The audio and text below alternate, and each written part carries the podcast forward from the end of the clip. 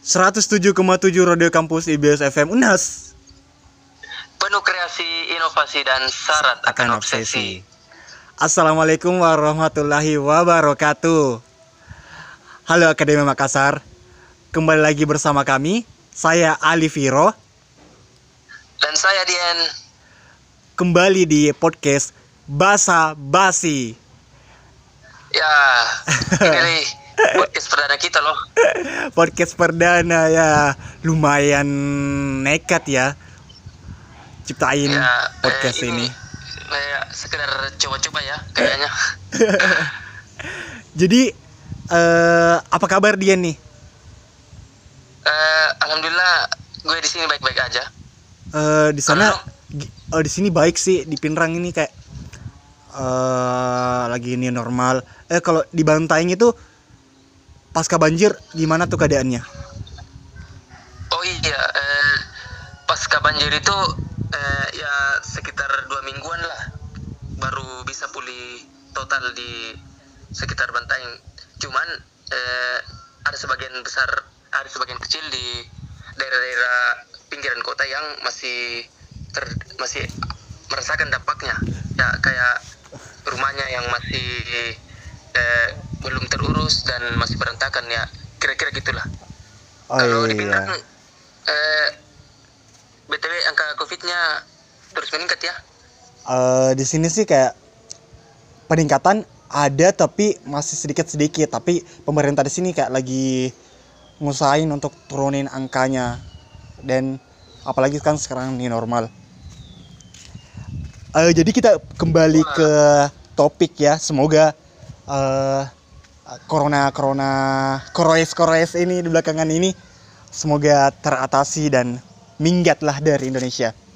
Kembali ke topik. Eh, amin amin amin. Eh, di sini kita akan bahas tentang dunia kampus. Jadi, eh, Wah, udah kampus jadi sebelum itu saya mau nanyain ke Dian nih, eh, pandangan objektif kamu bahwa kampus apa sih yang menjadi favorit dan unggul di Sulawesi Selatan ini? Hmm, apa ya? Tapi kita realistis aja ya. Kalau berbicara mengenai kampus terbaik ya orang-orang bilang tuh Universitas Hasanuddin AK Unhas, AK kampus merah. Aka Unhas, kampus merah. Iya sih, kampus merah ya, kampus survei-survei. Kampus idola, Iya. kampus impian orang-orang di Indonesia Timur gitu. orang-orang bilang. Iya sih. Eh iya, kampus merah, kampus Universitas Hasanuddin. Atau biasa dibilang kampus ayam jantan lah gitu. Ya, kalau berbicara mengenai eh, luas sih, ya Unas juaranya. iya, luas luas. di Makassar. Eh, bahkan eh, katanya Unas terbaik di se-Indonesia Timur. Nah, ya udah, kita ambil sampel pembahasan kebetulan pembahasan di podcast Bahasa Basi episode perdana ini kita membahas eh, bahwa benarkah kuliah di Unhas atau Universitas Hasanuddin itu sekedar pansos belaka atau eh, memperjuangin ya gengsi gitulah. Gimana? Wah, gila gila gila. Ngeri juga. Anti mainstream kan? Iya ya, kalau menurut gue sih ya menurut gue eh, menurut pem- pandangan gue selama ini eh, ketika gue Makassar ya gitu eh, orang-orang yang atau mahasiswa yang berkuliah itu dia kayak membawa-bawa nama kampusnya. Dia Benar sih, benar. nggak segan-segan eh, apa dia istilahnya pamerin anu eh, pamerin eh, alma maternya Oh iya. eh, pokoknya show off lah gitu kalau saya sendiri sih kalau kuliah di UNAS menurut pribadi saya itu kebanggaan. Namun banyak yang eh, berpersepsi kepada saya bahwa eh, saya kuliah di UNAS itu untuk pansos, untuk bawa-bawa nama besar kampus. Padahal kan nggak demikian. Kita seharusnya tuh berpandangan relatif. Memang sih banyak orang di luar sana yang mati-matian masuk di UNHAS. Bisa lewat jalur mandiri, jalur orang dalam. dan lain lah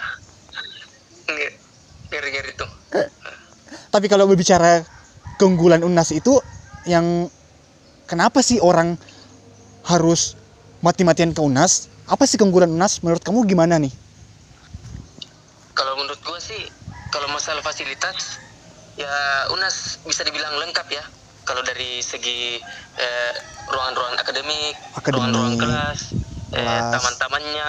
Kalau gua kalau bisa gua bilang eh, gua jujur ya Unas itu eh, the best lah kalau masalah fasilitasnya. iya sih Kalau mas iya sih Iya, Unas Unas itu sekarang kan eh, lagi ngebangun kan apalagi di kampus Tamalandra ini Eh, di sana banyak fasilitas olahraga fasilitas eh, Ya. ada taman teras spot foto danau keren lah pokoknya apalagi eh, banyak orang lu- luar yang jogging Unhas lah, orang yang sekedar selfie di Taman Unhas dan bahkan anak SMA pun biasa gue lihat di sekitaran Unhas. itu sih anak-anak ala ya. Nah ya, kembali ke inti pembahasan. Tapi mereka belum tahu, mereka belum tahu bagaimana iya sih. eh, sebenarnya di dalam fakultas-fakultas yang katanya tuh terbaik. katanya katanya. Nah kembali ke inti pembahasan nih Eh, kita ini bahas pansos atau panjat sosial. Itu di mana eh orang itu kayak membawa nama-nama kampusnya untuk terkenal lah di luar. Oh, gini sih kalau dari pandangan dari teman-teman eh, gua sih di jurusan atau di kampus eh, memang katanya UNES ini betul-betul membawa semacam nama lah untuk mereka apalagi kalau di luar ketika bahkan saya sendiri ketika saya lagi berada di kampung kemudian ditanya "E, kamu kuliah di mana? Kuliah di UNAS. Mereka bilang wow berprestasi berprestasi pastinya toh dikira berprestasi padahal tidak begitu juga. Ah, apalagi kita, kalau kita lihat realita teman-teman kita di kampus kebanyakan sih yang mereka tidak berprestasi. Namun kuliah di Unhas mungkinlah problem-problem tadi apakah lewat jalur undangan orang dalam atau ya ah, jalur-jalur lainnya. Gimana nih menurutmu? Kalau gue sih eh ya terima kasih. Kalau gue sih kalau masalah prestasi atau tidaknya gue rasa semua anak Unhas itu berprestasi. Iya sih. Ketika sebelum masuk di Unhas atau selama dia duduk di bangku SMA cuman eh, ketika dia masuk di dalam Unhas namanya juga pergaulan namanya juga lingkungan tentu saling memengaruhi, mem- memengaruhi. Ya, itu mahasiswa yang dulunya berprestasi eh, sering juara di kelas di sekolah. Tapi ketika masuk di kampus eh, berubah 180 derajat. Ah, sering iya, malas iya, iya. kuliah malas bangun. Ke itu pandangan gua. Eh, karena eh, ada contoh nyatanya di eh, teman-teman gua. Dan kalau mengenai masalah kebanggaan kuliah di UNAS ya that's real that's true. Itu benar karena eh, orang tua gua bahkan dia bagi-bagian gue di teman-temannya. Dia bilang bagi banggain di mana di mana kuliah anak kuliah anak tak? Bilang di Unas pak. Oh Unas tahu ah Ya, iya iya iya tahu lah ya, orang tua gua eh, bilang eh, dia menunjukkan bahwa Unas itu the best Unas itu eh, punya nilai jual tersendiri lah iya intinya Ya. Unas itu punya nilai jual nah kalau kalau berbicara lebih ke topik lagi nih eh sebenarnya memang sih eh, kebanyakan mereka yang kuliah di Unas itu semangatnya itu nggak seperti waktu mereka ingin kuliah di Unhas artinya mereka Nah. sekarang terbawa arus mereka sekarang kayak terdistrak kayak intinya mereka Ya. eh, terbawa arus lah intinya. Ya itu eh, benar lo benar apa yang lu bilang. Karena eh, mereka cita-cita ini tuh masuk unas dia belajar segala macam belajar keras eh, usaha keras buat masuk di unas. Eh, sekalinya dia masuk ya satu semester ya aman-aman lah aman-aman dulu. Ya kan maba kan? Bureng-bureng kan. nah maba ya maba. Kebanyakan bureng. Masuk semester 2 eh, ya mulailah. Masuk pengaruh Iya. dari senior lah. Eh, masuk pengaruh dari organisasi lain. Bahkan teman-teman eh, sebayanya yang merupakan teman-teman kelasnya saling memengaruhi di dalam.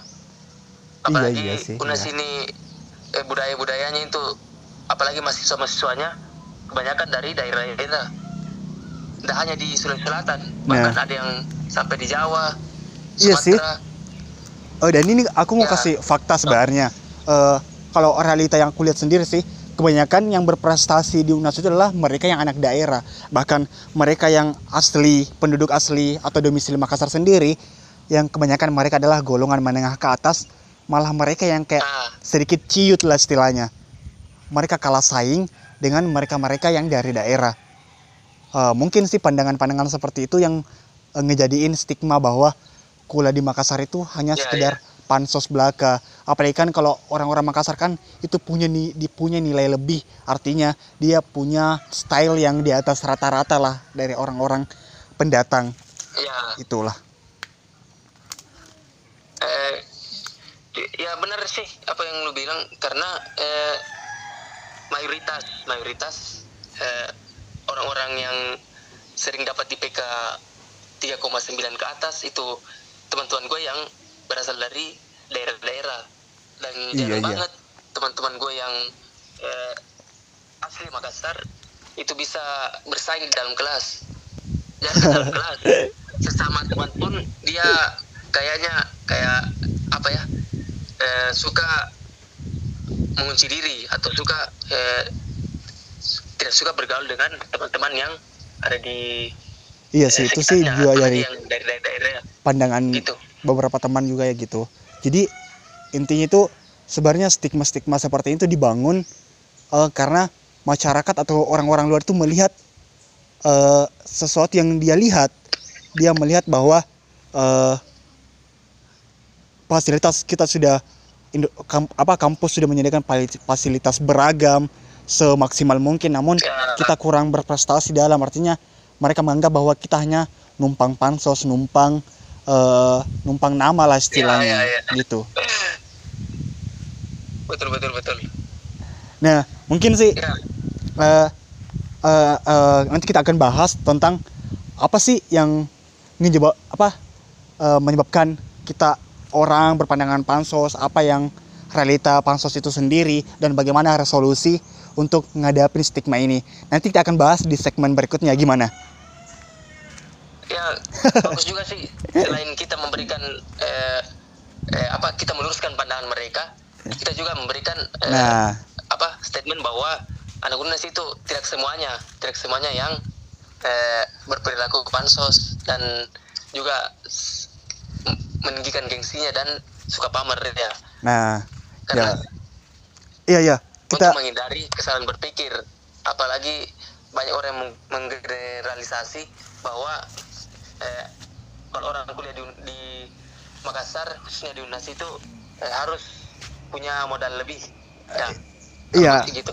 Apalagi nih aku lagi eh, aku sih sendiri teringat salah satu kutipan eh, kamu tahu nggak itu yang eh, istilahnya sekarang mahasiswa itu lebih eh, dengan apa kebesaran nama kampusnya kamu tahu nggak itu oh iya eh, gue pernah dengar eh, eh, kata siapa ya gue pernah dengar Lupa sih, eh, lupa. bahwa eh, kalau dulu itu eh, mahasiswa yang membawa yang membesarkan nama kampusnya. nama kampusnya. Kalau sekarang kampusnya yang membesarkan nama mahasiswanya.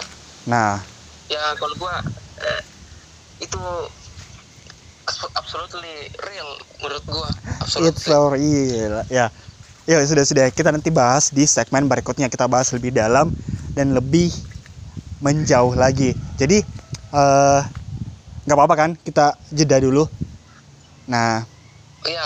mm, kita Siap, jeda siap, siap. ya jadi tetap pantengin eh, podcast kami podcast perdana